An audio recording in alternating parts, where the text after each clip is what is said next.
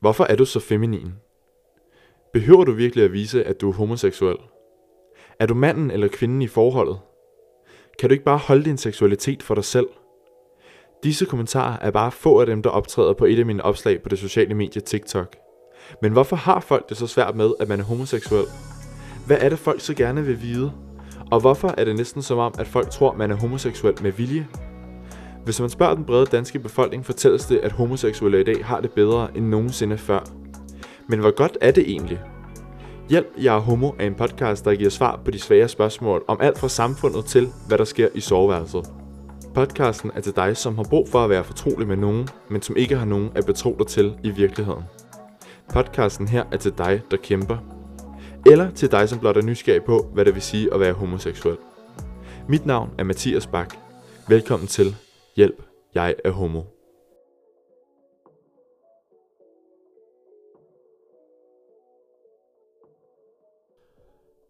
Normkritik med glitter. Det er måske det mest populære motto, gæsten i dag har opfundet. De kalder sig selv for Dragtivist og har blandt andet deltaget som finalist i Danmark har Talent i 2019, hvor de gik direkte videre til liveshows med en Golden Buzzer. Måske er de også Danmarks første rødhårede dragperson. De har været medstifter af Lev og Lade Leve, som er en organisation, der blandt andet hjælper med at få registreret hadforbrydelser på LGBTQI i Danmark. Deres CV er langt. Velkommen til dig, Miss Privilege. Tak skal du have. Jeg tror, jeg tror ikke, jeg kan uh, claime at være den første rødhårede. Måske Jo. en af de første rødhårede med overskæg. Uh, den kom vi, kan jeg måske godt claime. Tak for, at du ville være med. Det er så hyggeligt. Det, jeg har været ret nervøs i dag, fordi at podcasten har haft 57.000 afspilninger Ej, nu. men det er så vildt. Så ja, jeg er sådan en lille smule nervøs, men jeg prøver lige sådan Det kan kun gå ned nu. Ja, jamen det kan det jo faktisk. altså, så ved sådan, du hvad, måske er det også bare rart nogle gange, det plejer jeg altid at sige til folk, når de har været oppe på scenen med mig. Skat, du har peaked nu i dit liv, og på en eller anden måde kan det nogle gange være rart at vide, at jeg har peaked, så behøver du ikke at sådan lægge pres på dig selv. Du har peaked med den her podcast. Tillykke. Resten, tak. det er bare for sjov. Det har jeg aldrig nogensinde tænkt over sådan der. Så har der også været sådan et tidspunkt i dit liv, hvor du har gjort et eller andet, som du selv har synes har været ekstremt nervepirrende, og så er du gået ned, og så har du bare lavet din nervøsitet fremover ligge. Sådan var det faktisk, altså, da jeg var med i Danmark har talent, øh, efter jeg gik videre i semifinalen, der var jeg sådan, okay, men jeg har lavet alt det, jeg ville. Jeg var så stolt af min semifinal-performance. Det er bare en bonus at lave en finale-performance. Og hvis jeg vandt Danmark talent på det tidspunkt, var jeg også bare blevet trukket i min SU. Så det var sådan, det var aldrig det, var aldrig det, det handlede om for mig at vinde de der penge. Og det var bare at være noget repræsentation på skærmen. Så det at få lov at optræde både til min audition og semifinal, og så en dag også finalen. Det var bare sådan en bonus, så jeg havde ikke ret meget. Jeg følte ikke sådan ret stort pres på at stå i finalen, selvom der var 600.000, der så med. For jeg var bare sådan, det var en bonus jo. Jeg har jo gjort det, jeg gerne ville. Ej, hvor sejt.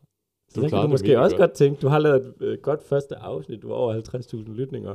Work. Så er det jo bare et bonus, hvis der også er nogen, der lytter med til de andre ting. Ja, nu, nu kan det kun gå nedad. Ja. Eller i hvert fald Dejligt. bare sådan, nu kan det gå. Ja, ja. Ja, lige præcis. Øhm, jeg kender dig jo personligt som Miss Privilege, men har du ikke lyst til lige sådan at prøve at fortælle lidt om, hvem Miss Privilege er til lytterne?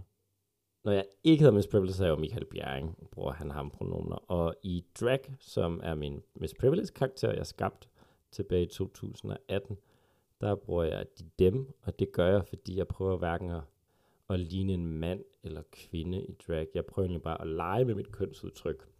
Og det er egentlig også det, drag er. Altså drag er en kunstform, hvor man leger med sit kønsudtryk. Det vil sige, det har hverken noget med min seksualitet at gøre, eller hvordan jeg identificerer mig. Så man kan sådan set også lave drag, uanset hvem man er. Øh, og jeg har valgt at have en meget aktivistisk tilgang til mit drag. Lidt derfor, jeg siger normkritik med glitter. Altså prøve at være kritisk over for normer, men også på en sjov måde. Altså jeg tror på, at hvis man kan få folk til at grine, så er det meget nemmere bagefter at lære dem om hadforbrydelser. Men hvis man starter med, hej, hvis du gør det, 3.000 queers årligt bliver udsat for had, så er der lidt længere til at røre dem. Så vi skal få folk til at grine, vi skal få folk til at have det sjovt, vi skal have folk til at kunne lide en, og så kan man øh, komme med budskaberne. Så det er sådan hele min filosofi. Og i dag, der øh, lever jeg af at lave drag. Har lige rundet to år som selvstændig fuldtid. Så det er også fedt at kunne det. Tillykke. Tak. Jeg kommer til at stille dig nogle klar parat spørgsmål, som jeg har skrevet ned, og jeg har simpelthen ikke kunne finde et andet udtryk for de spørgsmål, men det lyder jo bare så børnet. Klar parat. Jamen, det, Klar parat det spørgsmål. er da hyggeligt. Er du klar? Ja. Hvor er du født og vokset op? Aalborg Vejgaard, dreng. Hvor gammel var du cirka, da du fandt ud af, at du var homoseksuel? Det år, som når der noget teen movie kom ud. Det er der, hvor øh, Chris Evans står med den der øh, flødeskum og en banan. Nå, Ja. den er der ret mange memes med, tror jeg. Ja, Ja. men nok 3. 4. klasse. Ej. Eller øh, homo, synes jeg måske ikke er et begreb, jeg vil bruge, men også interesseret i fyre. Ja, okay. Ja. Eller Had- queer. Ja, havde du nogen sådan voksne rollemodeller i skolen, som for eksempel vikars, hvor du godt kunne mærke, da du var ung, at var, var sådan lidt mere spændende end dine kvindelige vikarer på en eller anden Nej. måde? Nej. Det er meget sjovt. Jeg kan vidderligt ikke huske en en, der sådan har set op til på den måde i, øh, i Aalborg. Altså, vi har haft folk, der sådan har været nice, men ikke sådan... Jeg, jeg kan ikke huske, at jeg har mødt sådan en queer voksen i min skoletid. okay. Hvad, hvad er en fordom, du vil aflive om homoseksuelle med det samme? At alle... Ja, vi alle sammen kender dem, der er med i Vild med Dans. Jeg prøvede engang en, jeg havde engang en elev, der spurgte mig, kender du alle med Vild med Dans, da jeg fortalte, at jeg var øh, til fyre? Så måtte jeg bare sige, nej. Ja. Men øh, det tror jeg, mange tror. Vi er heller ikke alle sammen venner med din tidligere gæst, Gustav. Vi kender ikke alle sammen hinanden altid. Det er lidt i samme liga som dem der, som har en eller anden, en, en vens ven, som er homoseksuel. Kender du ham? Ja, ja, ja. Altså sådan, Mm. eller sådan, ej, men jeg, har, ej, men jeg mødte også lige en fyr i sidste uge, han er også, øh, han er også du ved, ligesom dig. så øhm, øh, øh, skal I ikke på date? Eller sådan, nej. Mm, Nej. Og så viser de personer, som man, fuck, jeg har været på date med ham. Nogle gange er det jo småt, ikke? Ja, ja, jo, jo. jo, jo. Øhm, hvad er dine pronomer? Han, ham, som Michael, de, dem i drag. Er du bøsse, eller er du homoseksuel? Altså, jeg bruger ikke rigtig nogen af udtrykkene. Jeg bruger queer, også fordi jeg er også sammen med non-binære personer. Så bøsse er jo sådan til samme.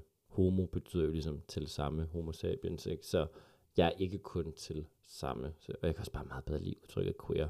Mm. Så bøsse bruger jeg kun til sådan mine nærmeste venner for sjov. Sådan, hvad så bøsserøv? Måske bare sådan for at tage pis på Ja. ordet, fordi det engang har været meget negativt. Ja, ja. Ja. Jeg kunne egentlig godt tænke mig at høre omkring dine pronomer, fordi at nu siger du selv, at du godt kunne finde på at være sammen med non-binære personer. Mm. Øhm, har du gjort dig overvejelser om, om Michael også godt kunne være non-binær på et tidspunkt i fremtiden? det er ikke et, altså for mig, så det at kunne lave drag og kunne udtrykke mig der, og det at kunne være Michael og være sammen med dem, jeg vil, og bruge udtrykket queer, føles egentlig meget dækkende. Mm. Øhm, så jeg tror også, altså det at bruge øh, non-binær som en identitet, øh, og ikke mere som et, man kan sige, et, man kan godt udtrykke sig øh, non-binær. Der er jo kun én måde at være non-binær på. Det er jo ikke sådan, hvis du er non-binær, så er du altid øh, kort hår og lilla skjorte eller et eller andet, du ved, der er sådan der er mange fordomme, hvordan den non person ser ud. De kan jo have alle udtryk, men, men jeg har sådan ikke selv haft et, øh, et behov for det som Michael, men jeg startede med at bruge hun hende i drag. Og jeg kan huske på et tidspunkt, så skulle jeg skrive sådan en øh, tekst om mig selv til en fagforening, jeg skulle optræde i. Og så kunne jeg bare mærke sådan, åh, den der sådan, så skriver man sådan, uh, Miss Privilege var med i Danmarksland, hun kom i finalen. Og sådan, oh, oh, I don't like that. Mm. Så ændrede jeg det til de dem, og så siden da har det bare været meget rarere. Følte du sådan, at det tog Michael for langt væk fra Miss Privilege? Jeg følte bare ikke, at Miss Privilege var en hund, eller sådan, det, det, det var sådan, det var ikke det, min mission var heller med drag, at Mm. mm. være, altså jeg laver på ingen måde female impersonation højst en uh, øh, Pia Kærsgaard en gang om året, så, så det, er jo, det er jo det, nogen forbinder med drag, men for mig er det netop meget mere den her normkritiske tilgang til kunstformen, der er interessant for mig. Og synes jeg, det er positivt ved at bruge de dem i drag, er også hver gang jeg taler med en journalist, så får jeg jo lært dem om pronomerne, og kan virkelig mærke, fra jeg startede til nu, der er en kæmpe forskel på, hvor øh, sensitive og hensynstagende faktisk journalister er blevet med pronomener og sådan identitet. Jeg hørte også et, øh, et interview i går med i The Graham Norton Show, Yes. tror jeg vist nok, det hedder. Ja, ja. Ja. ja godt britisk talkshow. med en kvinde, som jeg heller ikke kender navnet på, men som fortalte, at i ret mange år, der benægtede hun nogensinde, altså afvist fuldstændig og ville kalde andre for de pronomener, som mm. de foretrækker. Ja. Og det gjorde hun f- på grund af sådan grammatiske hensyn. Indtil at hun så mødte en australsk skuespillerinde, som jeg heller ikke kender navnet på. Men Det er en rigtig god historie, det her. ikke også? Øh, men hende, hendes skuespillerinde, hun var så, eller de viste sig så at være de dem. Og da hun fortalte til øh, hende her englænderen, at hun godt kunne tænke, eller at de godt kunne tænke sig at blive øh, omtalt som de dem, Mm. så havde hende her englænderen jo ikke nogen årsag til ikke at kalde dem de dem. Nej. Altså hvis man gerne vil respektere andre mennesker, og møde de mennesker, som man møder i øjenhøjde, så kan der ikke være nogen grund til, at man ikke har lyst til at imødekomme folks ønsker. Og det synes jeg ofte, at man ser, især i Facebook-kommentarfelter, sådan at, at der er mega mange, der skriver sådan noget med, at det kommer de fandme aldrig nogensinde til at udleve, hvis der er nogen, der vil have dem til at gøre det og sådan noget. Mm. Og det er jo sådan en aktiv ekskludering på en eller anden måde. Hvad, hvad tænker du om det? Møder du nogensinde folk, der, der nægter at, at imødekomme dine øhm, pronomener? Jeg har flere gange oplevet folk at været nervøse, når de skulle introducere mig på scenen, eller skulle spørge sådan 15 gange, hvordan var det nu med de der.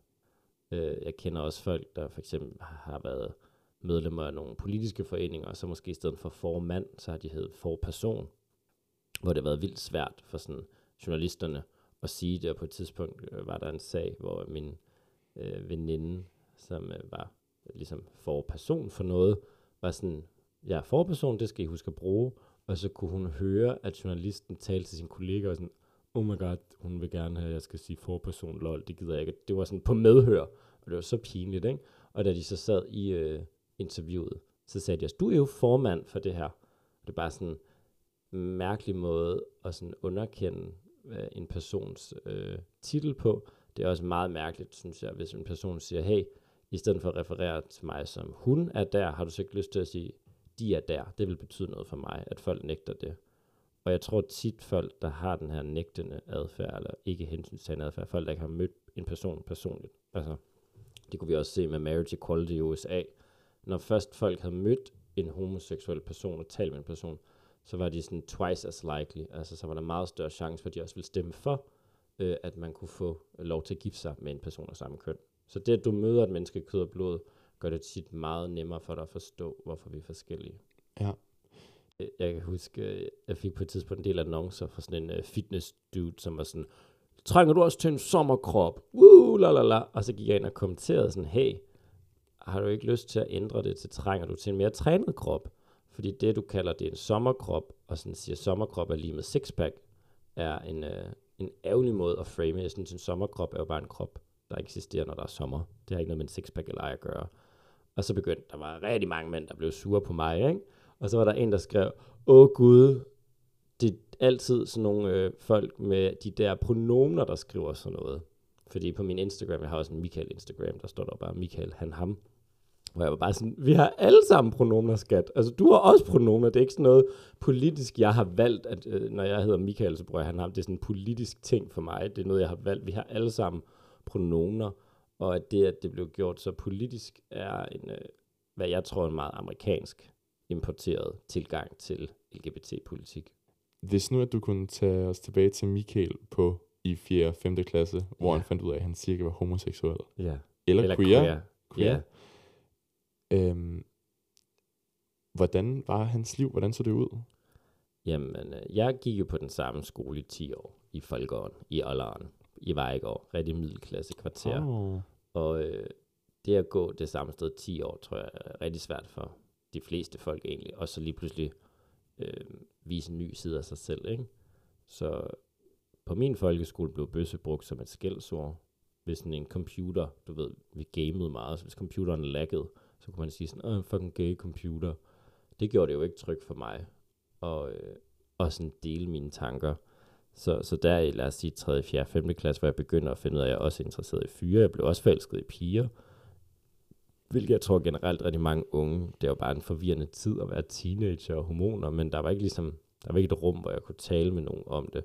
Og der var heller ikke sådan i tales, at det var okay, når vi havde seksualundervisning. Følte jeg også meget, det var sådan, her er heteroseksualitet, og over i hjørnet ligger der en lille tynd bog om det der homo noget. Der kan I gå og læse i den, ikke? Og tør man så det? Mm. Nej, det gør man ikke. Øh, så det blev hele tiden andet gjort at være queer eller have en anden seksualitet end normen. Så, så det var aldrig trygt for mig at være åben, og jeg åbnede heller ikke op, før jeg kom i gymnasiet, hvor det var meget tryggere. Havde du nogle frustrationer, sådan konkrete tanker, som du stadigvæk godt kan huske, du rendte rundt med? Altså, hvad, hvad var din største frygt for at være homoseksuel? Eller queer, selvfølgelig. Jamen, altså, det jeg kan være rigtig ked af, det er også, at jeg aldrig fortalte min familie det. Fordi min familie havde egentlig aldrig gjort noget, for at jeg ikke skulle kunne komme til dem og være tryg. Men jeg tror, det var fordi de sådan, kulturprodukter, jeg var omringet af, altså tv-serier, musik, film, bøger, der var det altid sådan, så læste vi en bog i Folkeånden om Thomas, du ved, der døde af AIDS. Eller vi så en eller anden tv-serie, hvor at personen var queer, og så skulle de flytte hjemmefra. Altså, så der var bare i starten nullerne ikke ret mange queer rollemodeller. Der var altså ikke Instagram eller TikTok, hvor du så queer personer øh, blive hyldet og være nice. Det var altid en bikarakter, det var altid en sørgelig historie. Der var ikke happy ending, så hvorfor skulle jeg kunne få en happy ending ved at fortælle mine forældre, at jeg var queer? Øh, så jeg sådan frarøvede mig selv muligheden for egentlig støtte fra mine forældre, fordi omverdenen havde sådan præget mig til at tænke, at de ikke ville støtte mig. Men det ville de jo selvfølgelig. Øh, de elsker jo mig, og, og jeg var sådan ønske, at jeg tidligere i mit liv egentlig havde givet dem chancen for at være der for mig. Øh, måske havde de så også kunne kontakte skolen og være sådan, hey, øh, Michael er blevet slået. Folk har kaldt ham bøsse, gør lige noget ved det. Men det havde jeg jo ikke lyst til at sige til mm. nogen. Så det er jo også svært for en skole og nogle forældre at være der for en, hvis man ikke giver dem muligheden. Det kæmpede jeg også virkelig meget med. Øh, den virkelighed, som man, eller som jeg i hvert fald gik rundt med i de år, hvor jeg godt vidste, at jeg var homoseksuel, øh, til jeg egentlig sagde det, der fik jeg lavet sådan en, en uvirkelighed op i mit hoved. Ja. Altså hele min virkelighed var altså meget sådan spaltet, må jeg bare sige. Og vi, er vi i start 10'erne, når du så går i skole nu, ikke? Ja, fordi jeg er nemlig også fra provinsen, og der brugte man også bøsse som skældsord. Ja. Og, og altså, jeg må bare sige, der, der var ikke plads til, hvis jeg skulle være homoseksuel, så, så blev det endnu en ting, som jeg kunne blive mobbet for. Ja. Øhm, så det gjorde jeg selvfølgelig ikke, og som du også selv siger, så når, når, mm, når man er så vant til, at homoseksuelle eller queer øh, mennesker er øh, nogen, som man ikke rigtig snakker om i seksuel undervisning, mm. så bliver man jo også lidt lært til at tænke, at ens familie ikke vil tage godt imod en, når man så øh, kommer ud over for dem. Ja. Øh, og det kæmpede jeg vildt meget med. Og jeg var meget ulykkelig over at tro, sådan at min familie ville øh, smide mig ud, eller et eller andet, når jeg kom ud over for dem. Og, og det kunne de jo aldrig nogensinde finde på, og det vidste jeg også godt, da jeg var i det. Men, men den uvirkelighed var for virkelig for mig Ja. til at ture og gøre det. Og, og det tror jeg er et af de største problemer i dag, at vi stadigvæk på en eller anden måde lærer børn, at, at de skal være en del af majoriteten for ikke at blive mm, sådan smidt i skralderen. Da jeg gik i folkeskole, jeg er jo syv år ældre end dig, så der er jo næsten en generation. I hvert fald nu om dagen føler jeg, der ikke ret mange år mellem hver generation. Men jeg kan huske, det var sådan noget Will and Grace, der var. Øh, og så var det sådan en, måske en tv, så var det Desperate Housewife, hvor sådan tre sæsoner inden er der to afsnit om den homoseksuelle øh, søn, som det er heller ikke så godt, han er det. Mm. Eller som jeg kan bare, jeg kan, der er ingen sådan klare rollemodeller for mig, hvor jeg tænker, da du har gået i sådan noget 6., 7., 8. klasse, det er sådan et lille årti senere, begyndte der at være nogen for dig? Altså begyndte, havde du sådan, om der var alligevel den der musiker, eller Mm. Instagram er begyndt Ja, at altså komme, jeg var eller sådan? kæmpe stor fan af Justin Bieber, lige da han var kommet frem. Okay. Altså meget, meget, meget. Jeg var sådan en boy-believer. Den største queer rollemodel, Justin Bieber. Jeg var jo sådan en boy-believer, tror jeg, man kaldte det. Nej. Men udover det, så var der også... Øh, det Hvad, gav, også. hvad gav, gav han dig sådan ro i maven, eller ly- lyst til at være dig selv, eller var det bare et sådan univers, du kunne escape i? Jeg tror, det var et univers, jeg kunne... Altså, så jeg bare kunne flygte væk fra virkeligheden på en eller anden Ja. måde. Jeg, jeg, jeg crushede jo også på ham. Ja. Men det vidste jeg ikke, jeg gjorde. Nej. Det var bare sådan, wow, han er, jeg ser virkelig meget op til ham, agtigt. Ja. Men, men så begyndte der for eksempel, som jeg også siger til folk, det er et ret godt eksempel, synes jeg, at så, så øhm, der har jo været vild med dans lige siden jeg var, før jeg var født, tror jeg. øhm, men jeg kan huske, at selvom at min familie altid har støttet mig, så kan jeg bare huske, at når vi har set vild med dans sammen eller et eller andet, så har der bare altid været sådan en lille kommentar omkring enten Jes Werner, som i øvrigt ikke er homoseksuel eller queer, øh, eller om Silas Holst, eller om Mm. et eller andet med, at øj, de opfører sig godt nok bøsset. Okay. Og, og det Ja. er sådan de der helt små hverdagsoplevelser med Ja. homofobi, som, Ja. Som gjorde meget, meget, meget stort indtryk på mig, og som har givet mig virkelig mange traumer. Øh, så, så det var egentlig mest det, der gjorde udslaget for mig, at jeg ikke ville sige noget til min familie omkring min seksualitet, fordi at, hvad siger de så ikke om mig, Klart. deres søn? Øhm, Jeg tænker også, at øh, det her udtryk, spring ud, trænger til at blive erstattet af noget andet. Altså jeg plejer, i stedet for at sige, hvornår sprang jeg ud, så plejer jeg at sige, hvornår var det trygt for mig at være åben. Fordi så lægger man ansvaret over på fællesskabet. Altså mm. Mm. når man siger, jeg sprang ud i øh, den her alder. Så hvis det er en tidlig alder, så er man sådan, ej, hvor er du modig. Og hvis det er en sen alder, så er man sådan, ej, tag dig sammen. Hvor det er sådan, det er ikke sikkert, det var trygt for mig, før jeg nåede den her alder. Eller jeg var klar over, at det kunne være trygt. Så jeg tror sådan, det her med at springe ud, synes jeg er lidt øh, forældet i en dansk kontekst i hvert fald. Så en opfordring til måske, at man ikke sådan forventer, at andre skal springe ud, eller spørge, har du sprunget ud, eller hvornår sprang Mm. du ud, men må jeg sådan spørge, øh, hvornår var det trygt for dig? Fordi det kan også godt være, at man at det har været trygt at åbne op for sin familie, men ikke for sine gymnasievenner. Eller det kan være på erhvervsskolen, det var trygt, men hjemme ved far og mor var det ikke trygt. Eller sådan. Det, det er jo faktisk meget mere komplekst, end man sådan en gang går ud af et skab og sådan, her kommer jeg, og så er der strussefjer, og så, så er alt bare livet og gode dage. Det er jo ikke virkeligheden, men det tror jeg lidt, det er den fordom, eller sådan forestilling, der er, om at sådan, når, når man er 16, så springer man springe ud af skabet, og så bliver livet bare bedre.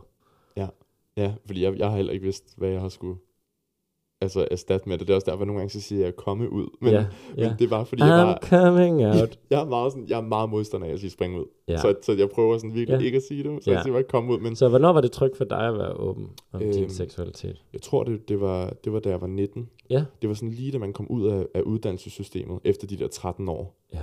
Fordi at, der render man bare rundt sammen med de samme personer, som man har rendt sammen i 13 år.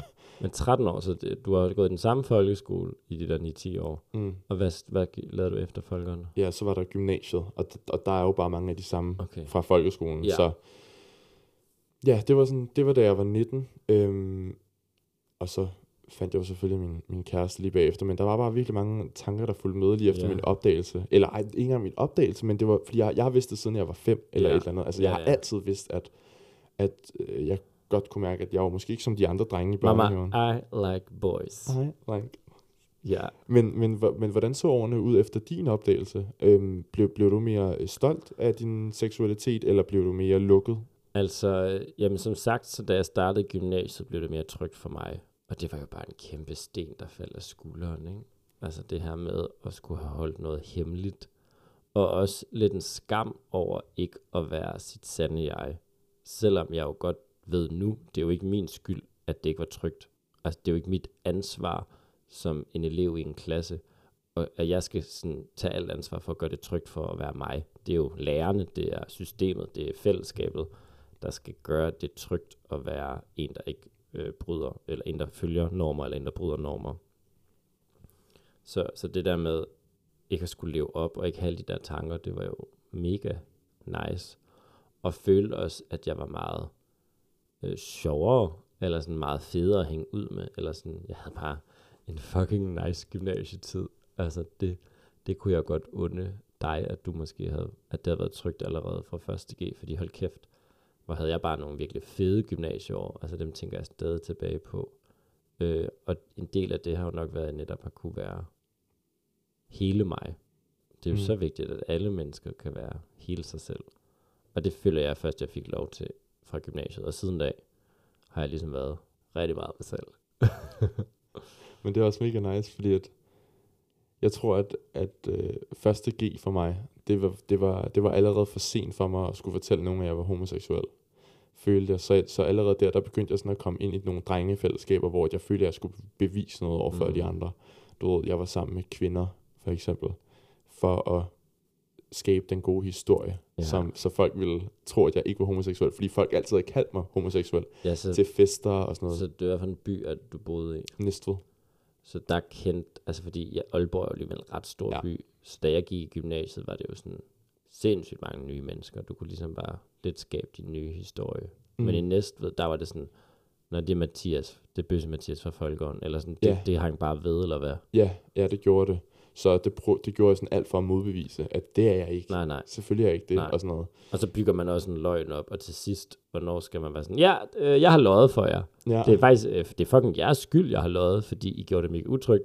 Men i bund og grund, at det, jeg har sagt, jo ikke i hvert fald korrekt. Men, det er ikke, mm. Men, men det, jeg tror, det er vigtigt, at man ved, at det, det er også okay at lave den, den ikke-sandhed. Fordi hvis man skal passe på sig selv i Næstved, så skal man bare have lov til at passe på sig selv. ja, Jeg havde jo ikke helt samme oplevelse, fordi jeg elskede min gymnasietid. Altså, jeg, jeg, jeg tænker stadig tilbage på den. Øhm, og der var også flere åbne queer-personer på vores gymnasium. Altså, så det var ikke sådan en ting, man stod helt alene med. Øhm, så jeg tror, det jeg er blevet mere og mere tryg i, jo ældre jeg er blevet, er øh, min køns øh, udtryk. Altså det her, hvordan du ser ud, hvordan du fremstiller dig selv, fordi da jeg ligesom var i start 20'erne og flyttede til København, synes jeg også, jeg mødte en del øh, ældre homoseksuelle mænd, der var sådan, øh, no femmes, no facts, eller sådan, jeg er ikke til feminine fyre, det er sådan fyldt meget på grind, og det gør det stadig lidt, den her dating app, men, men ikke lige så markant. Altså, der var meget sådan en, de hvide, muskuløse fyre, øh, i sådan det mest basic tøj på Nevermind. Det er dem, der er i høj kurs, hvor sådan den tynde, øh, eller den, den, øh, den, der havde en anden krop eller anden hudfarve, eller også i hvert fald især et andet kønsudtryk, det der med at have neglelak på, og sådan, det var bare, jeg kan huske, jeg har snappet med nogen, hvor de sådan har blokeret mig, fordi de så, at jeg havde lige pludselig en nejlagt på min hånd, eller et eller andet. Sådan nogle små ting, ikke, som gør, at man er sådan, åh, øh, det er måske, man kan måske ikke både være queer og være feminin, eller både være bøsse og være feminin. Det er for meget på én gang, selv for andre bøsser, ikke? Hvor det har drag jo hjulpet mig med totalt at bare åne og have det på, jeg vil, hvornår jeg vil, og se ud, og også bare lære, at hvis der er nogen, der blokerer ind, fordi de har set mig nejlagt, thank God, fordi så skal jeg heller ikke bruge mere tid på dem, og deres desværre øh, skrøbelighed. Mm, mm. Hvor lang tid, hvor, hvornår fortalte du så din familie, at du var blevet åben med din, med din queerness? Jamen, altså, jeg åbnede, og jeg fik en kæreste i gymnasiet.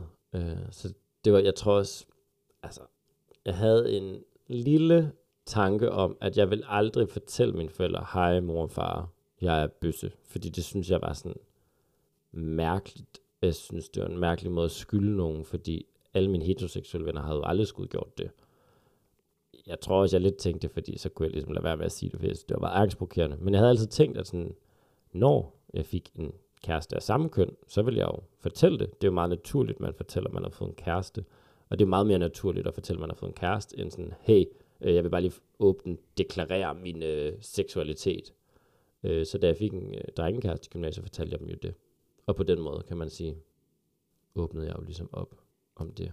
Var, var det en rørende stund, da du gjorde det? Nej, det var det mest udramatiske i verden. Jeg kan huske, jeg fortalte det til min mor, mens vi var på Livø, som er sådan en lille ø, vi plejede at være på hver sommer.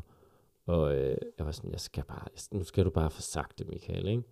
Og vi var en stor familie afsted, så alle var ude i haven, og det var kun mig og min mor, og vi stod der og tog opvasken.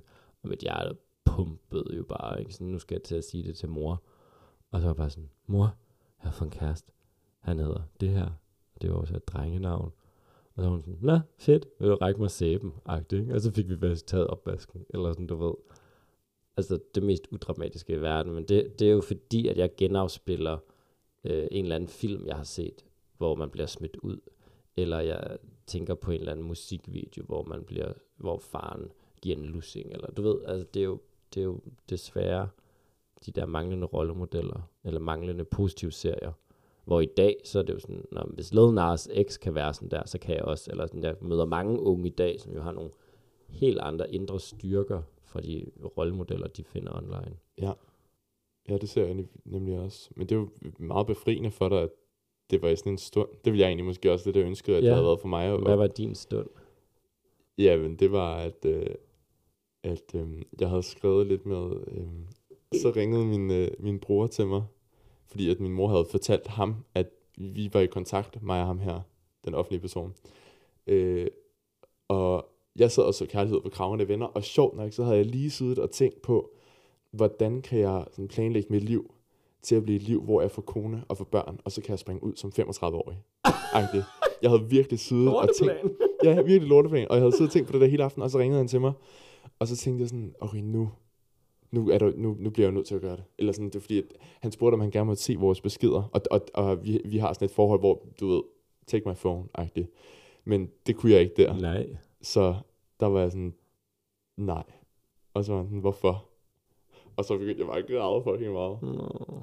Øh, ja, og så sagde jeg bare til ham, at det var fordi, jeg faktisk var homoseksuel. Og, sådan, og så skulle jeg jo fortælle det til min mor, og det gjorde jeg så en dag, hvor mine bedsteforældre var hjemme og spise hos os, så du ved, når man først øh, har fortalt folk, at man er homoseksuel én gang, så, så tager det ikke mere end at sige den der sætning, sådan, jeg har noget, jeg lige skal snakke mere om, agtigt. Ja. Og så græder jeg igen. Nå. Men du ved, Det er jo også det der med egentlig, at man, altså netop, at man kan ikke bare sige det én gang. Altså man kan blive retraumatiseret på en eller anden måde, og skulle sige det flere gange. Eller, Ja. Og der var du 19, eller hvad? Ja, der var jeg 19. Øhm, og de tog jo også bare mega godt imod det. Mit råd til andre, der, er- jeg, jeg ved ikke, om du også får beskeder fra folk nogle gange, der er lukkede, eller sådan er diskrete homoseksuelle, eller et eller andet omkring råd til, hvordan de kan komme ud. Men, men for mig var det virkelig rart, da jeg fortalte min familie, at jeg var homoseksuel, at sådan lidt at glemme mine egne følelser, og glemme mig selv lidt i øjeblikket, og så bare springe ud i det, og sådan, du ved, bare starte den der opening sentence Mm. sådan, jeg har lige noget, jeg skal snakke mere om, fordi så er der ikke nogen måde, man kan komme tilbage. Mm. Så er man ligesom sådan lidt nødt til at sige det, og det hjalp mig virkelig meget. Sådan lige at, og sådan at glemme den der uvirkelighed, som jeg havde bygget op på i så mange år, og bare sådan sige det. Og så var det jo bare lykke bagefter. Altså, ja.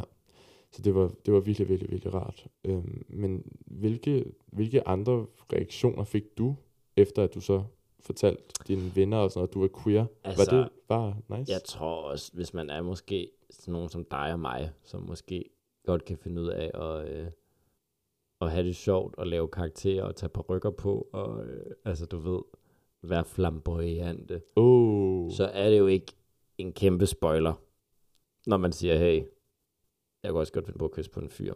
Især fordi, at vi har lært af samfundet, at øh, feminitet blandt mænd er lige med homoseksualitet. Det vil også sige, hvis du er en heteroseksuel mand, og øh, du skal til øh, Beyoncé Renaissance Concert, og du godt kan lide at have en crop top på, og du ikke spiller fodbold, men du ser America's Next Top Model, så lægger vi de tre ting sammen og siger, Elle, Belle mig fortælle, du er nok bøsse. Hvor i virkeligheden har dine interesser jo intet med din seksualitet at gøre. Altså måske var der mange flere øh, homoseksuelle, der syntes sport var fedt, hvis det ikke var fordi, de råbte lo lo lo bøsserøv til kampene.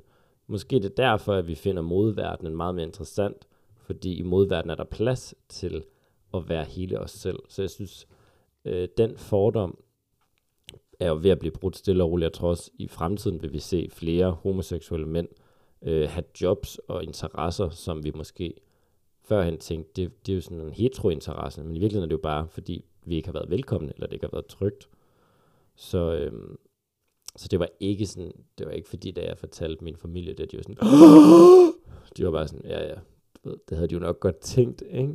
Øhm, så på den måde for mig har det jo aldrig været sådan en surprise. Det har mere bare været, at jeg skulle selv få det sagt, og jeg var også glad for, at der var plads til, at jeg selv kunne sætte ord på det, fordi andre oplever også, at man bliver outet, som det hedder, at andre sætter ord på ens seksualitet før en, øh, som kan være meget, meget grænseoverskridende. Har du oplevet det? Jamen det oplevede jeg jo, kan man sige, hele min folkeskole, ved at folk var sådan Michael og Bøse og alt sådan noget, ikke? Øh, men jeg har aldrig oplevet det fra min egen familie. Men det oplever rigtig mange offentlige personer også. Altså, øhm, jeg synes, man ser flere unge være med i tv-serier og sådan noget, hvor de sådan bliver krævet, de sådan skal fortælle deres seksualitet. Og der er det vildt fedt, vi har en ny generation af unge, der er sådan, hey, I don't know you shit. Altså, øh, hvor vi har en ældre Hollywood-generation, som virkelig har lagt skjul på sig selv, og netop så har fået kone og børn, og så som 45 år, eller sådan Ricky Martin, eller en eller anden type, ikke? Øh, først meget sent har fået plads til sådan at sætte grænser, og være helt sig selv. Lige nu har vi jo måske en kommende øh, leder for Venstre, Truls Lund Poulsen, som var med til at lave rygter omkring, at Helle Thornings mand var homoseksuel, ikke? Og det var sådan næsten legitimt dengang, Mm. at vi sådan havde rygter om andre folks seksualiteter. Ja. Altså, Åh, pa- det totalt kuldegysning pas jer selv! Ja. Og han vil ikke undskylde. Jeg så et klip forleden, der var. Troels Lund var sådan, synes det er vigtigt, at vi ser fremad. Ja, det er da fordi, det er pinligt, hvis du ser tilbage. Ja. Ja, det får jeg virkelig kuldegysning af. Det synes jeg er virkelig forfærdeligt. Ja. At blive outet af Ja. andre. Jeg kan huske, der også var, øh, der var, sådan, var det OL i Kina eller et eller andet, hvor der har været en del atleter, der så har været på nogle dating apps, og så har folk lavet falske profiler på dating appsene for ligesom at skaffe billeder og dokumentation, og så bagefter sådan outet dem, og være sådan, den her atlet er queer. H- h- hvordan fø- føltes det for dig at blive outet? Altså kan du huske sådan nogle konkrete tanker, som du har tænkt på, når folk har gjort det over for dig? Altså man kan sige, jeg ved ikke, hvis man skal være helt præcis om begrebet outing, så er det jo, kan man sige, at afsløre nogens seksualitet. Mm. Hvor jeg oplevede jo nok i højere grad, at jeg bare blev påråbt det. Altså det var ikke sådan, vi har fundet Michaels internetbrowser screenshots, han er homoseksuel. Det var mere sådan, øh, du er bøsserøv. Så det var mere et skældsord, Mm. end, end sådan en konkret, hey, vi havde set Michael holde i hånd med en fyr i sidste uge, eller sådan. Så jeg tror mere, jeg vil sige, at jeg bare har oplevet, altså, skældsord, Bare, en outing. ja. Ja. Hvis nu vi skal snakke lidt om dig som dragperson, Ja.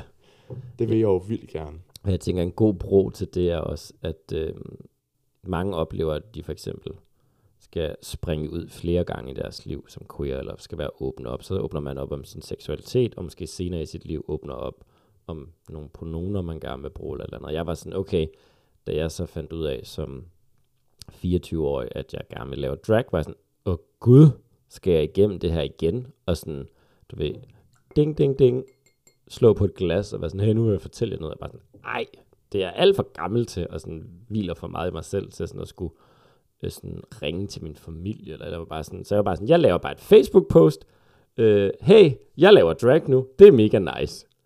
Øhm, og det føles egentlig ret rart, men jeg har også lært efterfølgende, at øh, der var måske nogen i mit netværk, som havde brug for lidt mere information, fordi de ikke anede, hvad drag var. Øh, og der havde jeg måske været bedre tjent med i hvert fald også lige at holde dem lidt i hånden. Men jeg var virkelig bare sådan, jeg orker ikke at skulle åbne op om det her, fordi på en eller anden måde, så, så øh, i tale sætter man jo allerede, så andet gør man allerede drag som noget sådan, ej, man skal forklare, hvorfor man gør det. Altså hvis jeg havde skrevet, hey, jeg startede til tennis, så var det jo ikke sådan, at jeg havde skyldt folk at forklare min dybeste følelse omkring tennis, Nej. og hvad det betyder for mig, og er det virkelig det, du vil? Så var det bare sådan, no, work, Mm. eller whatever, Ja, eller røvsygt. Men drag var bare, det var som om, at der, hvis jeg kunne gå tilbage, så havde jeg stadig lavet et Facebook-post, men jeg havde nok også øh, ringet til nogen og ligesom hjulpet dem med at forstå, hvad det var. Ja, og det er jo også en lille smule sørgeligt på en eller anden måde, at man skal det, fordi jeg synes ofte, at man som queer, queer ender i sådan en situation, hvor man enten skal, øh, skal oplyse folk omkring øh, alt muligt, fordi de kommer over til en i byen og spørger omkring mm. et eller andet Mm. mega upassende ja. i øvrigt. Du ved, møder nogen ude på øh, toilettet, en gruppe af, af kvinder for eksempel, som lige pludselig bare helt uaffordret er sådan, slay, og, og du ved, sådan noget, det, Fordi de har set dig på TikTok-agtigt. Jamen også bare, fordi mm, det måske er lidt tydeligt på mig, at jeg er sådan ret feminin, så går Ja. de måske bare ud fra, at, At jeg du er en. At jeg er en slayer, du ved. Og, og, men men, men det, det er bare mega upassende. Ja. Hvad, hvad, hvilke fordomme oplevede du til at starte med som dragperson? Altså, hvad, hvad er nogle af de mest øh, sådan primære, man Jamen, møder? Jamen, jeg tror generelt, er det rigtig vigtigt, at folk forstår, at drag er en kunstform. Altså ligesom comedy og skuespil og teater. Det vil også sige, at alle kan lave drag. Det er ikke sikkert, at alle vil være gode til det. Sådan er det jo også med de fleste kunstformer. Men alle kan lave drag. Og derfor har det intet at gøre med en seksualitet eller kønsidentitet. Hvor jeg tror, nogen tror, at når man er i drag, så er det fordi, man måske tænder på det, man har på. Nogen tror, at det har noget at gøre med, at man måske er forvirret over ens køn, eller man er transkønnet, eller non-binær, eller et eller andet. Og der er jo sammenfald, fordi man kan sagtens lave drag som non-binær, eller transkønnet, eller ciskønnet, øh, men, men, men det er ikke øh, determinerende. Altså det er ikke det, der gør, at du laver det. Øh, jeg optrådte også i Barcelona et halvt år som drag, hvor jeg var en del af sådan en draggruppe, hvor der også var ciskønnet heteroseksuelle mænd med, som vi jo altid også har set på tv lave drag. Ikke? Så, så drag er en kunstform. Alle kan lave drag. Jeg har min egen dragskole med elever med alle forskellige baggrunde. Det er den største fordom, tror jeg.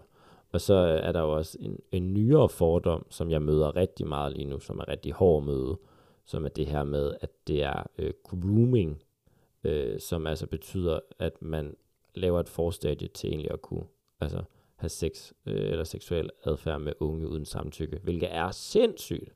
Altså jeg har fået så mange beskeder om, at jeg er pædofil og groomer Seriøst? og alle de her ting, og jeg synes, det er så voldsomt, og det er også derfor flere gange har jeg politianmeldt det, fordi det er injurerende. Altså jeg har min egen virksomhed som drag, jeg har min egen drag school, og at nogen siger, at jeg laver den her, for altså på sigt jo egentlig at begå mig øh, seksuelt på de her unge på skolen, er jo så voldsom en anklage, så øh, falsk information er spredet, så hadfuld information er spredet, og derfor politianmelder vi det. Og øh, det synes jeg også er hårdt at modtage. Altså jeg laver drag shows i hele landet, og jeg stoppet i år med at lave annoncer til mænd. Altså jeg annoncerer kun til kvinder, der kan lide boligindretning og Sam Smith på Facebook. Ja, okay. Fordi hver gang jeg annoncerer til mænd, får jeg trusler eller hadbeskeder, eller bare bræksmiley'er. Hvorfor tror du, det er? De er pisse usikre. Altså det er jo det, er jo det drag også kan, ikke? Det kan virkelig øh, lave sådan et øh, fuck op i folks hoved, sådan, er det en mand eller kvinde, der står der, og hvordan, og hvad hvis jeg synes, det er spændende, og altså, altså det, det udfordrer jo maskulinitet, fordi rigtig mange mænd har lært, at det største i verden, du kan være, det er jo stærk og stor og maskulin. Og hvis du så som er en mand, så har du jo, kan man sige, potentialet til at være stor, stærk og maskulin. Og hvis du så i stedet for vælger at være feminin i drag, så har du ligesom forrådt dit eget køn. Og jeg tror rigtig mange mænd bliver meget, meget usikre på sig selv, når de ser drag, og er sådan, du har muligheden for at, at præsentere dig selv som en mand, og alligevel vælger du at præsentere dig selv feminint. Hvad, hvad, hvad, hvad så med mig? Jeg, jeg har kæmpet hele mit liv for at være fodboldfyren og maskulin og sådan noget, og så kan man bare noget andet, eller hvad? Ej, det duer ikke. Jeg, jeg, jeg har kæmpet hele mit liv for at være det her. Det er den, den måde, jeg tror, man kan være en mand på.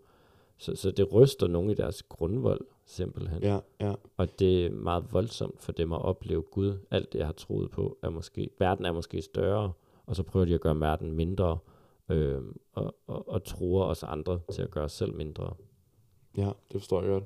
Og der er også noget i det, som sådan, er, at altså, jeg, har, jeg får tit at vide, at, at mænd hader noget som drag, for eksempel. Mm. Øh, fordi at øh, det, er, sådan, det er for feminin, selvfølgelig. Ja. Men egentlig så er altså, den største fjende over for patriarkatet, det er jo femininitet. Mm.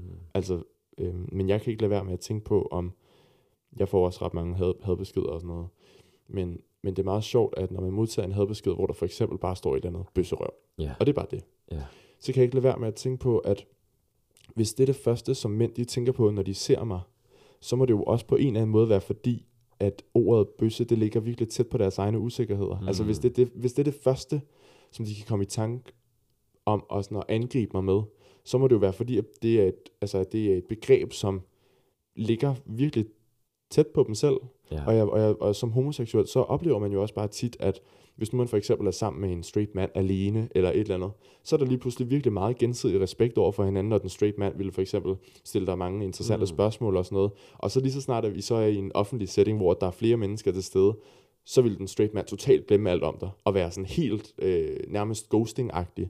Det ved jeg ikke, om du nogensinde har oplevet noget med, men, men det er meget sjovt det Det der med, godt, at, mener. at der er sådan to sider af mænd, på en eller anden måde. Der er jo, altså man kan sige, at være mand er jo mega komplekst, men der er en gruppe mænd, som er opvokset med meget stereotype idéer om, hvordan man skal gøre det at være mand. Altså, hvad er deres bevægelsesrum? Og det er også altid, når jeg er ude og holde foredrag på skoler, kan jeg jo nogle gange mærke, at simpelthen der er nogle af de der fyre, der sidder til foredraget, som bare sådan, de kan næsten ikke være i deres egen krop, fordi jeg står der i drag. Og, og det i tale sætter jeg også bare, og i tale sætter, at min frihedskamp, mit projekt med drag, min mission om, at alle skulle have det tøj på, de vil, og holde den i hånden, de vil, det er et projekt, der hjælper dig, der sidder lige der også. Fordi hvis jeg kan gå ud af døren, uden at blive slået ned ved at se sådan her ud, så kan du også som mand øh, se topmodel i stedet for at spille fodbold. Du kan have en anden interesse. Du kan måske tale om følelser med dine venner. Altså den her måde at udvide, hvordan det er at være mand på, øh, det er jo en kamp, som vi drags også bidrager til. Og derfor synes jeg, det er så ærgerligt, at vi bliver sat sådan, at det er sådan, øh, at det bliver en kontrast, øh, pride og parade og LGBT-rettigheder bliver en kontrast til sådan den traditionelle mand. Den traditionelle mand er selvmordstroet, er trist, er ensom. Øh, altså hvis vi sådan skal kigge på statistikker, ikke? der er jo også statistikker for mænd, der er ret dårlige, det er jo ikke kun øh, kvinder og minoriteter. Øh, og de statistikker skal vi jo banke ned ved at gøre det nemmere at være mand på flere måder, ved at gøre det nemmere at kunne tale om følelser, ved at gøre det nemmere at gå til lægen. øh, jeg har lige, mig og mine venner, vi har sådan et øh, drag show, hvor vi laver sådan nogle sjove performance, og vi lige udviklet sådan en bad boys performance, hvor vi også fandt et klip, hvor en ny forskning fra øh, England viser, at mænd ikke genbruger, fordi det er bøsset. Altså, at der er en stor andel af heteroseksuelle mænd i England, der ikke vil recycle, because it seems gay. Mm. Så det der med for eksempel at have en mulepose med øh, i et indkøbscenter, i stedet for at købe en plastikpose, det gør jeg rigtige mænd, de køber en plastikpose, de sparer ikke 5 kroner har en mulepose med. Ja, altså, ja. det er så sindssygt, at vi lever i et samfund, hvor mænd er så bange, nogle mænd er så bange for at blive antaget for at være bøsser, fordi bøsser er lige med feminin, og feminin som mand er dårligt. Mm. Det skal vi lade om på. Ja, og som du selv siger, så er der jo mange mænd, der er bange for det feminine, men som dragperson, så tænker jeg også, at du må opleve noget, når du er i offentligheden som drag. Hvad, hvad er nogle af de mest sådan, forekommende incidents, som, som du oplever, når du er i offentligheden som dragperson? Altså, fordi at, at frygt kan jo blive vist på mange måder, men, Mm. mm. men jeg tænker, at der må være nogen, der er mere fysiske end andre, eller mere verbale end andre. Altså, når jeg for eksempel øh, er i offentligheden, så øh, nogle gange sidder jeg jo i 5A på vej til et show, eller 5C, øh, på vej til et show, og sidder i paryk og overskæg og glitter og måske et flot outfit. Folk må godt kigge, for det er ikke så typisk, der sidder en i 5C med stort hår og overskæg og glitter. Det må man altså godt kigge på. Det, det har jeg det helt okay med. Men hvad jeg ikke har det okay med, er, at folk begynder at filme, eller pege, eller råbe, eller grine. Jeg har også prøvet at skulle hjem fra et show i Aarhus, hvor fire fyre kommer hen og omringer mig, bare til river min paryk af mit hoved, og bare står og griner af mig. Det er meget voldsomt. Altså, det er meget voldsomt. Det er ydmygende. Og det skete for en del år siden, men havde det sket i dag, så havde jeg også politianmeldt det, fordi det faktisk, øh, mener jeg, er at begå vold på folk, ikke? Og rive noget af dem og stå og grine, det er voldsomt, det er ydmygende. Og desværre er det ofte kvinder, der bryder ind og, og hjælper en. Altså, så der er de her stereotyper. Desværre, ikke? Altså, statistisk set ser vi bare, at det ofte er mænd, der er nogle af dem, der begår hadforbrydelser. Det tror jeg også var mænd, der begik mod dig i metroen, ikke? Mm. Ja, ja, lige præcis. Ja. det er jo bare så, det er så nemt at mærke, hvad, hvad det kommer af, og det er jo, altså, det er jo sådan en defensiv, at manden prøver at foretage sig på en eller anden måde, men, men, men registrerer du så nogle af de ting, der sker mod dig, som har været fysiske? Har du, har du gjort det for nyligt, for eksempel? Øh, altså, jeg havde et show i Odense for nogle uger siden, hvor jeg gik i drag. Jeg havde to gigs i Odense, så skulle fra A til B. Og så kommer der en bil rullende hen til mig, ruller vinduet ned og siger, øh, er du en mand eller kvinde? Fuck, klam bøsse eller hvad? Og øh, jeg tror, fordi jeg ligesom også er klar over, når jeg går offentligt i drag, at så er der altid en risiko. Så det tog mig et splitsekund at få min mobil op og tage et billede af nummerpladen og ringede til politiet et minut efter. Gik lige ind på vores hjemmeside, anmeldhavet.nu, ding, og læste lige op på mine rettigheder, og så ringede jeg til politiet, og de tog det faktisk rigtig seriøst, og sende en patruljevogn ud med det samme for at finde den her øh, bil. Øh, så, så det her med, at jeg, jeg føler mig også godt klædt på, jeg kender mine rettigheder, øh, jeg ved, hvad jeg skal sige til politiet, jeg ved, at jeg ikke skal finde mig i noget som helst, også selvom det måske kan være tvivlsomt, om man kan anmelde det eller ej, så anmelder jeg det, fordi jeg har det bare sådan, vi skal ikke tage noget bullshit. Vi skal ikke finde os i noget. Vi må ikke normalisere, at det at gå i det offentlige rum kan komme med verbale og fysiske øh, voldsytringer. Det synes jeg aldrig, vi må finde os i. Det tror jeg som ung, jeg har altså, fundet mig i. Det der med, at man sådan får en kold skulder, når man er på klub, eller at det der sådan implicite eller eksplicite homofobi, der kommer til udtryk, det har rigtig mange af os fundet os i alt for lang tid. At det skal slutte. Hvad kan den, hvad kan den implicite homofobi øh, bestå af? Jamen netop det her med, at man måske bliver serviceret dårligt, eller man bliver bedt om, jeg kan huske, jeg sad i en biograf på et tidspunkt og talte med en ven, øh, hvor det var tydeligt, at vi begge to var queer, eller sådan fordomme om, hvordan en queer klæder sig, så kunne man godt aflæse sig som queer nemt. Og vi blev bare tysset på under reklamerne, på sådan en måde, som jeg tror rigtig mange kender, hvor man nogle gange oplever et eller andet, hvor sådan, er det fordi, at jeg bare talte lidt højt, fordi det gjorde vi jo også, eller er det fordi, vi ser ud, som vi gør? Eller er det fordi, vi taler lidt højt, at du så tænker nu, fordi vi ser ud, som vi gør, kan jeg lige tillade mig at sige noget til jer? Forstår du, hvad jeg mener? Mm, mm. At det tror jeg rigtig mange øh, minoriteter, folk, øh, der er brune, sorte osv., nogle gange oplever de der microaggressions, hvor nogen skubber ekstra hårdt til en, eller siger noget på en meget særlig måde, eller råber et eller andet af en, hvor det er der jo også ikke minoriteter, der bliver råbt af og skubbet i byen. Men blev man lige skubbet ekstra hårdt, fordi man havde glitter på øjnene, eller havde en brun hudfarve eller et eller andet. Ja. Det, det tror jeg nogle gange er så svært for folk, der ikke er minoriseret, overhovedet forholde sig til, at det er konstant virkelighed for os. Ja. Vi altid skal aflæse folks reaktioner på os, og hvorfor. Ja. Nogle gange har du jo også bare kommet til at træde nogle over tæerne, og så bliver de sure. ja. Men ja. andre gange er du måske kommet til bare at træde en millimeter over deres lille tog, og så giver de dig en mavepumper, når de ser, det var en som mig, der gjorde det. Ja, og for mange mennesker, som jeg også diskuterer med om, omkring øh, hadforbrydelser og sådan noget, jeg, jeg, jeg har jo bekendte, som fortæller, når de er drag for eksempel, eller, eller har en ryg på i byen, eller et mm. eller andet, så fortæller de sådan, at så bliver de måske øh, udsat for noget, der kunne minde om en, om en hadforbrydelse hver anden gang, at de er ude Ja. øh, med en ryg på, ikke også? Og det forstår jeg jo godt kan lyde ret vildt for folk, som ikke er vant til at få begået hadforbrydelser imod dem. Men kan du ikke sige noget omkring, at, hvor mange hadforbrydelser der faktisk sker om året, versus hvor mange der bliver registreret som anmeldelser? Jo. Altså, jeg har været med til at stifte en forening, der hedder Lev eller Leve, som har eksisteret i et par år nu, og vi har virkelig prøvet at dykke os ned i det her område, for der er sindssygt mange mørketal.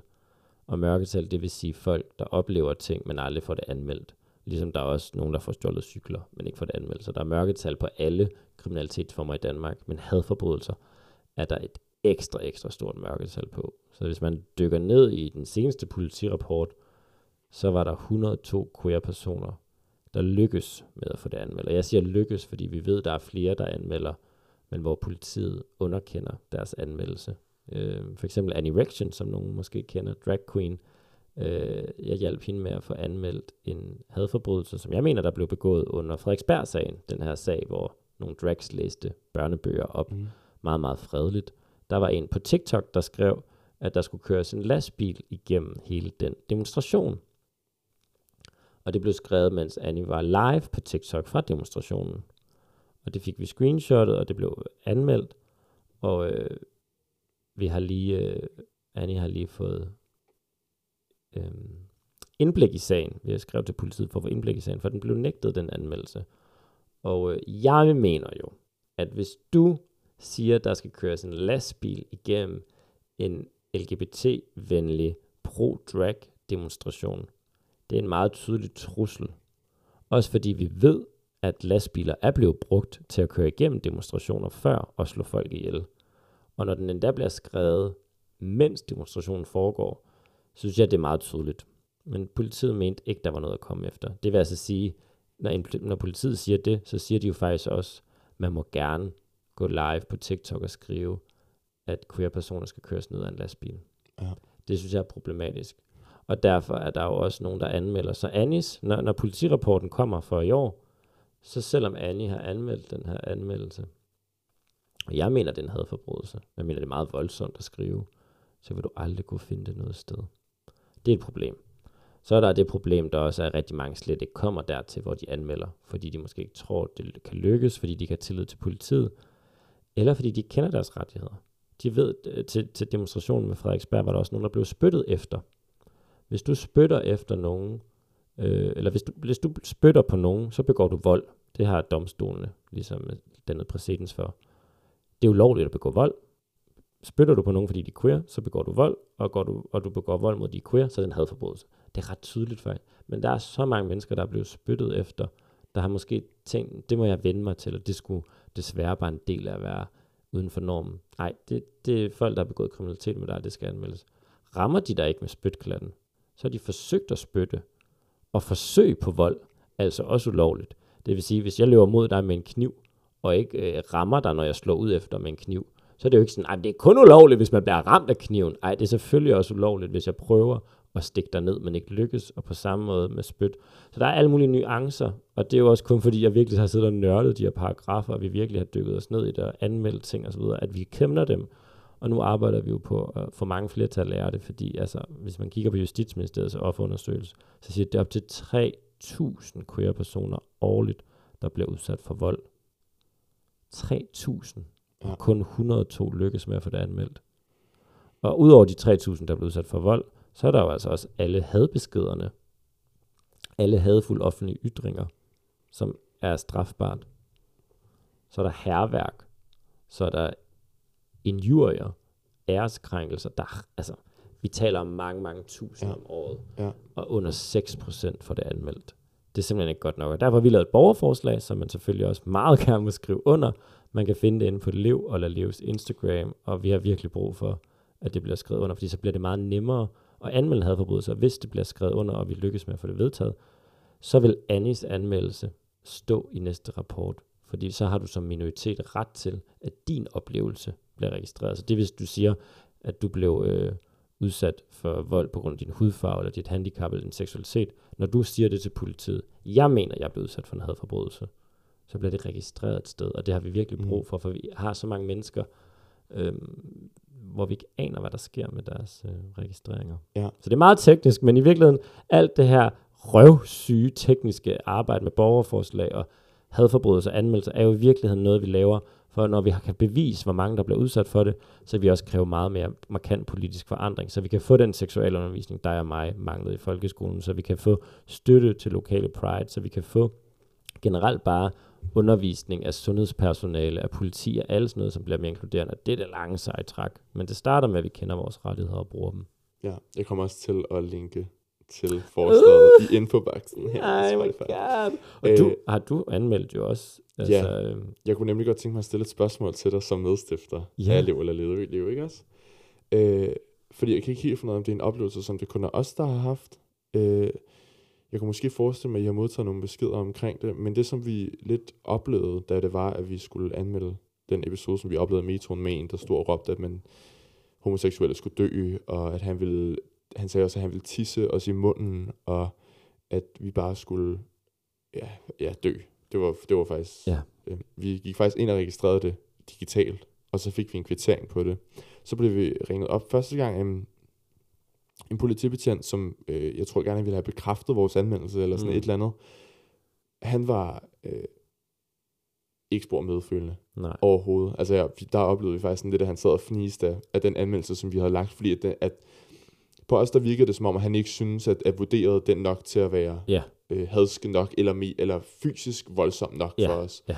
Øhm, og så blev vi så ringet op igen af en efterforsker, som havde fået sagen. Mm. Og han var meget, meget, meget seriøs. Mm. Og øh, beklagede faktisk næsten Processen. processen, Ja. øh, hvordan det havde været gået, og så blev vi afhørt derefter. Modtager lever eller leve, eller Amel det nu, øhm, henvendelser fra folk, som oplever det samme, eller som frygter at og også at blive mødt med sådan en, en lidt nedladende attitude Mm. fra politiet, fordi det er jo selvfølgelig ikke for at undergrave politiets indsats, at jeg siger det, men, men, men Nej. utrygheden synes jeg er reelt nok. Altså, det jeg synes, man kan sige om politiet, det er, at de er jo kun så stærk som det svageste led. Det vil sige, du kan møde en politibetjent, der er empatisk og dygtig, og de findes, men du kan også møde noget andet. Og det er ikke godt nok, at det ikke er konsekvent, det du møder. Ligesom man i folkeskolen, så synes man, at man havde dårlige og gode lærere. Det dur ikke. Alle lærere skal være dygtige. Altså, og på samme måde er alle politibetjente altså nødt til at være dygtige, empatiske, og hvis de ikke har en viden, så skal de ikke tage den sag. Hvis de ikke aner noget om hadforbrydelser, så er det ikke den person, der skal ringe dig op. Så er det efterforskeren, der skal ringe dig op. Øhm, så det, man kan sige om politiet, er, at der er meget lidt træning i øh, minoriteter. Der er meget lidt træning i hadforbrydelser.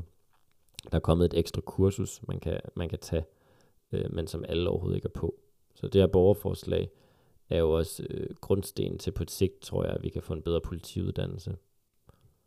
Vi får øh, beskeder, vi hjælper folk med at anmelde. Alle kan altid skrive til os, hvis de har det mindste. Man kan altså anmelde ting, der er langt tilbage. Så hvis du oplevede noget i januar i år, og du ikke har fået det anmeldt, så skriv til os, så hjælper vi dig med at få det anmeldt. Alle anmeldelser tæller, så vi kan få banket mørketallet ned.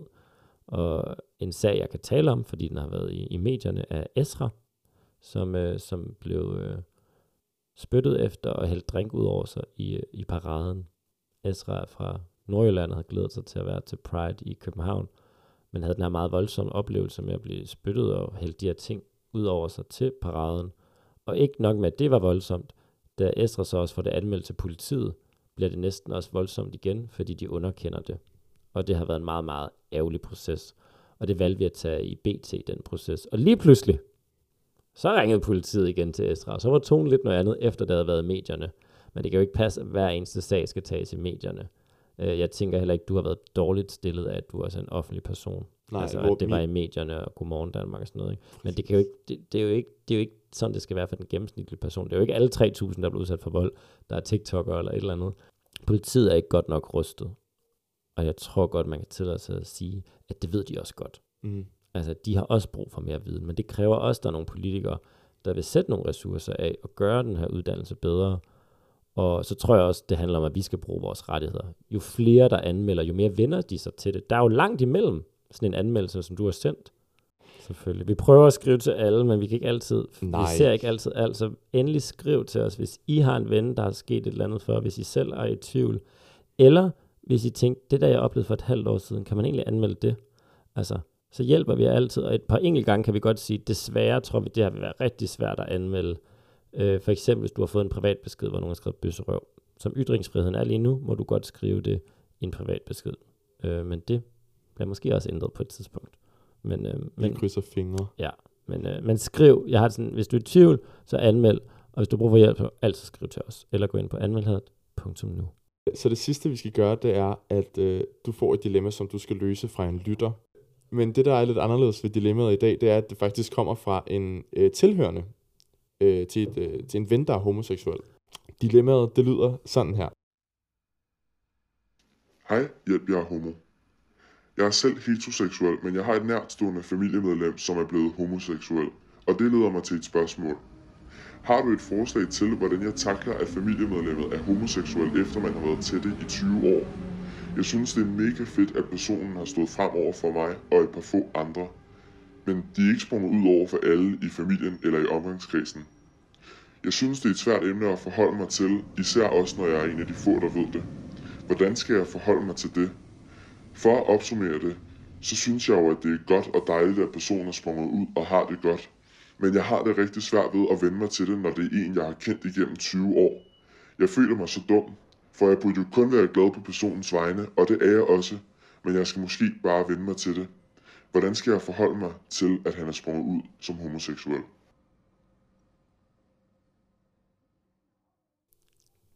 Alright. Jamen, øh, til at starte med, så vil jeg sige, at øh, man skal altid starte der, hvor kærligheden er.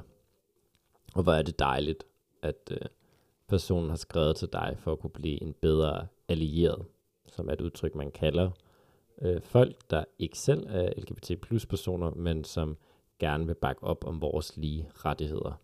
Og den måde, man er allieret på, er i handlinger. Det er ikke nok, at man bare hashtagger pride en gang om året. Det er handlinger konstant. Og den her person ved at skrive til dig, har sagt, ved du hvad, Mathias, jeg vil godt være en allieret. Hvad kan jeg gøre? At de ord, personen så bruger for at tale om det her, måske ikke er de bedste ord i verden. Det er helt okay, fordi det er jo, øh, det er jo nyt det her. Men, men, men personen er jo ikke blevet homoseksuel. Det er jo ikke sådan, en person har gået i 18 år, mens de har kendt hinanden, og, øh, og været heteroseksuel, og så nu har taget et nyt valg. Personen har formentlig længe gerne vil kunne være åben og tryg om at dele den her side af sig selv, men har ikke kun dele det. Og når du siger, at personen ikke er sprunget ud for alle, så hører jeg, at det ikke nødvendigvis er trygt at dele den her information med alle endnu. Men personen har delt det med dig, så I har jo et eller andet sammen. Og det bliver jo ikke ændret af, hvilken seksualitet din ven har. Så du skal ikke tænke det som, at din ven lige pludselig er anderledes. Din ven er som din ven altid har været. Der er bare et, øh, et lag, du nu også ser. Det er ikke et nyt lag, det er bare et lag, du også øh, bliver inviteret ind til at se med. Og hvad er det dejligt, at personen kan være tryg ved det. Og måske holde fast i, hvor mange ting I har til fælles, og hvor mange ting, der jo ikke har ændret sig. Altså jeg tænker ikke, at den her person, samtidig med at de har vist det her lag frem, også alle de interesser, I har delt, at de er væk nu. Altså, man er jo et meget komplekst menneske, så det er jo, det er jo måske det der med bare at være taknemmelig for, at personen har været tryg ved at åbne op, og så stille en masse spørgsmål, og stille dig selv til rådighed og sige, er der noget, du godt kunne tænke dig, jeg kunne hjælpe med? Fordi nogle gange kunne det måske også være rart nok, at der var en anden, der delte den her information, hvis man har brug for det. Det kunne også være, at du spurgte, er der egentlig noget, du godt kunne tænke dig, jeg sagde anderledes? Øh, er der en serie, du gerne vil vise mig, der kunne gøre mig klogere på det her? Det, det er min største anbefaling altid. Hvis folk øh, ikke har så meget viden, så skal man ikke selv tage opgaven på sig. Så skal man have det, man kalder et fælles tredje. Altså i stedet for, at du forklarer, hvad øh, HIV-positiv er, eller transkønnet, eller LGBT, eller Pride, så se øh, Pose på HBO, så lyt til en podcast, så se en dokumentar. Gør et eller andet, hvor I ser noget sammen, og så bagefter kan tale om det, fordi så er man ikke på udebane. Hvis du sætter ned og siger, nu skal jeg forklare, hvad pronomener er, eller hvad homoseksualitet er, så den person, du sætter dig over for at tale til, bliver på udebane. Men hvis I ser et eller andet sammen, så kan I snakke om det bagefter. Det var også sådan, jeg gjorde med min far, da han ikke måske vidste alt om drag. Så så vi Danmarks yngste drag med den kære Roberta, der laver drag som 12-årig. Og så snakkede vi om det bagefter, det fungerede meget bedre, end jeg skulle holde et foredrag om drag. Så træk vejret. Din ven er stadig din ven. Nu ser du et nyt lag. Prøv at bruge et par spørgsmål til at vise, at du støtter op, og at du gerne vil blive klogere. Og måske der også godt kan være noget med, hvis nu man skulle sådan zoome ud fra øh, sådan det LGBT-mæssige, så kunne der måske også være noget med, at den person, som har skrevet, noget, at skrevet det her dilemma, at de måske føler sig en lille smule øh, sådan forrådt i forhold til, mm. at det, det ikke er blevet delt med dem tidligere, ja. så at de måske føler, at de er blevet ført bag lyset på en eller anden måde. Ja. Hvad, hvad tænker du om det? Jamen det tænker jeg netop er en, en følelse, som kan være valid nok, men det er ikke det samme, som det er virkeligt. Altså fordi mm. virkeligheden er jo ikke, at der er en person, der har gået og, og delt misinformation til dig. Virkeligheden er, at der er nok en person, der ikke har været i nogle omgivelser, hvor det har kunne være trygt, eller måske har man opdaget det. Altså det er jo heller ikke sådan, at når du er 12, så kender du din seksualitet, og fra du er 12 til resten af dit liv, indtil du åbner op, så har du bare løjet i de antal år. Mm. Det, er, det er jo alle slags aldre, man kan finde ud af, hvad en seksualitet er. Den er også evigt udviklende. Det kan også være, at om tre år har jeg en kæreste, der er en ciskønnet kvinde. Altså, jeg har ikke brug for at udelukke noget. Det er også derfor, jeg har det godt med termet queer. Så, så, så jeg tror, du er nødt til at altså, trække vejret dybt og, og lade den der følelse forsvinde, fordi det, det er urimeligt over for din ven at have den her negative følelse om, at de har lovet eller ført dig bag lyset. Øh, det er samfundet, der har skabt et system, hvor det kan være svært i en tidlig alder at, at være åben om de her ting. Så, så giv plads til det, og, og så måske spørge, hvis, hvis det er det, du har behov for at spørge, er der noget, jeg kunne have gjort tidligere, der kunne have gjort det trygt for dig tidligere? Fordi måske øh, er man egen overbevisning. Jeg er sådan en, der er mega inkluderende. Der er plads til mm. alle. Og så sidder man og ser vild med dans, og så synes man alligevel, Silas Holst er svanset. Og det ja. mener man ikke rigtig noget med. Men, men man får det alligevel sagt, og det planter sig alligevel i ens hoved. Øh, måske har du engang sagt, at det var bøsset den måde, din ven gik på, eller det var en øh, bøsset taske, han havde. Jeg kan huske min far, han havde sådan en orange punkt. Han kaldte det så bøssepungen. Og det har han jo absolut intet negativt ment med det.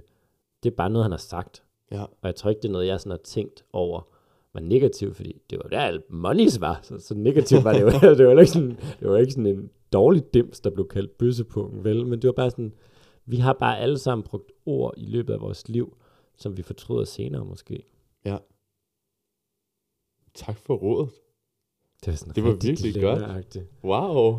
Men det er jo, jeg synes også, det er Men jeg synes også, ja, det er meget gyldigt på en eller anden måde, fordi mm. jeg, jeg kan egentlig godt, selvom at jeg overhovedet ikke selv er i deres position, dem som har skrevet dilemmaet, så synes jeg stadigvæk godt, at jeg kan genkende måske den der følelse af at, at være blevet løjet overfor. Jamen det er jo det, jeg synes, vi tidligere har talt egentlig om at være på den anden side af. At ja. den følelse havde vi måske i folkeskolen, at vi bærer rundt på en eller anden hemmelighed, vi skylder at dele. Ja. Øhm, og jeg, altså noget af det, der giver mig håb, det er virkelig også nogle gange, når jeg ude og holde foredrag og snakker med folk i 5. klasse. Jeg kan huske, jeg mødte en elev i Aarhus, altså som har været mellem 10 og 13 år, og han fortalte mig ligesom, at han blev mobbet, og med at være queer og alle sådan nogle ting. Men det, der var forskellen på mig, og dengang jeg var 13, var, at han var åben, og tog ligesom de slag, der kom på baggrund af det. Men de nåede ikke så dybt ind, for han vidste godt, at det ikke var ham, der var problemet. Han var sådan, mm. jeg vil ønske, de havde mere viden, eller var bedre uddannet, sidder siger den her 10-årige, ikke? Wow. Så han begynder jo ikke at skamme sig over at være sig selv. Han er sådan, jeg ved, hvem jeg er, og det står jeg ved, og det giver mig øh, problemer i det fællesskab, jeg er lige nu i min klasse. Men, men jeg ved, at der er så mange andre unge ligesom mig. Jeg er connectet med folk på TikTok, Øh, jeg ser Lil Nas X optræde på Roskilde Festival. Jeg ser årets TikToker af Mathias. Jeg ser alle de her ting, ikke, som gør, at jeg godt kan klare at være i en hverdag, hvor jeg bliver mobbet, uden at jeg går hjem og skammer over mig selv. Mm. Hvor jeg gik hjem og skammede mig over mig selv, og var sådan, hvorfor kan jeg ikke bare være hetero ligesom de andre? Ja. Og det synes jeg, altså, det er jo stadig forfærdeligt, at unge bliver mobbet i dag. Men hvor er det et, et, et, et godt lyspunkt, at der er så mange unge i så tidlig en alder, der godt ved, at de ikke er problemet. For det er et rigtig godt sted at starte. Det vil sige, at de skal ikke bruge hele deres voksenliv på at fjerne den skam, som sådan nogen som dig og mig Mm. har fået ind. Altså det, det synes jeg, at jeg har brugt mange år på at fjerne skam ved at Ja. gå på en særlig måde, eller sige noget på en særlig måde, eller have nogle særlige interesser, eller i, når jeg spillede sådan noget slåsspil, var jeg altid kvinden, eller et eller andet. Faste håndled. Et, jamen, alle de der, der Ja. er jo så sindssygt mange ting. Ja. Altså, og det synes jeg bare er fantastisk, hvis vi kan få en ny generation af unge, der fordi de har rollemodellerne og, og sociale medier og styrken, og måske også den gode lærer eller et eller andet til det, får lov meget tidligere at være hele sig selv. Ja. Og på et tidspunkt skal vi jo så også have et skolesystem, hvor man kan være hele sig selv, uden at det giver skrammer. Ja. Lad os snakke om skolesystemet næste gang, at Miss Privilege er med om et år. Yes! Lad os lige få ændret det også. Men først skal vi have anmeldt alle hadforbrydelser, så kan vi anmelde, så skal vi ændre skolesystemet. Ja, lad os anmelde alle hadforbrydelser. Og tusind tak for, at du vil være med, Det var Miss så hyggeligt. Tak for snakken. Det er meget, meget, meget værdsat. Så det sætter jeg virkelig stor pris for, at du havde lyst til at tage dig tid til at komme og Fedt. educate mig og mange det. andre. Jamen, øh, altid det hyggeligt at snakke. Og hvis man har lyst, kan man jo også finde mig. Jeg er altid rundt i hele landet og optræder. Jeg tror, jeg har 20-30 juleshows, så man kan stadig nå at få en øh, billet. Og øh, kom til et dragshow, opleve hvor fedt det er. Og selvom jeg ikke annoncerer til de der mænd, så dukker de jo op alligevel, de der heteromænd. Altså, jeg laver vidderligt Perfekt. det hele, og ellers så bare møde op på til en af vores shows. Det er skide sjovt. Ja. Perfekt. Tak for, at du ville være med. Tak for at være med. Også tak til jer, der har lyttet med i den her episode af Hjælp, jeg er homo. Hvis du sidder med et dilemma, som du godt kunne tænke dig, at en af mine gæster skal løse for dig, så skriv en besked til os på Instagram eller TikTok under navnet Jeg er Homo Podcast. Det er selvfølgelig 100% anonymt, og dit navn vil ikke blive nævnt. Hvis ikke du har et dilemma, så vil jeg bare gerne sige tak, og jeg vil lyttes ved i næste episode af Hjælp, jeg er homo. Hej hej!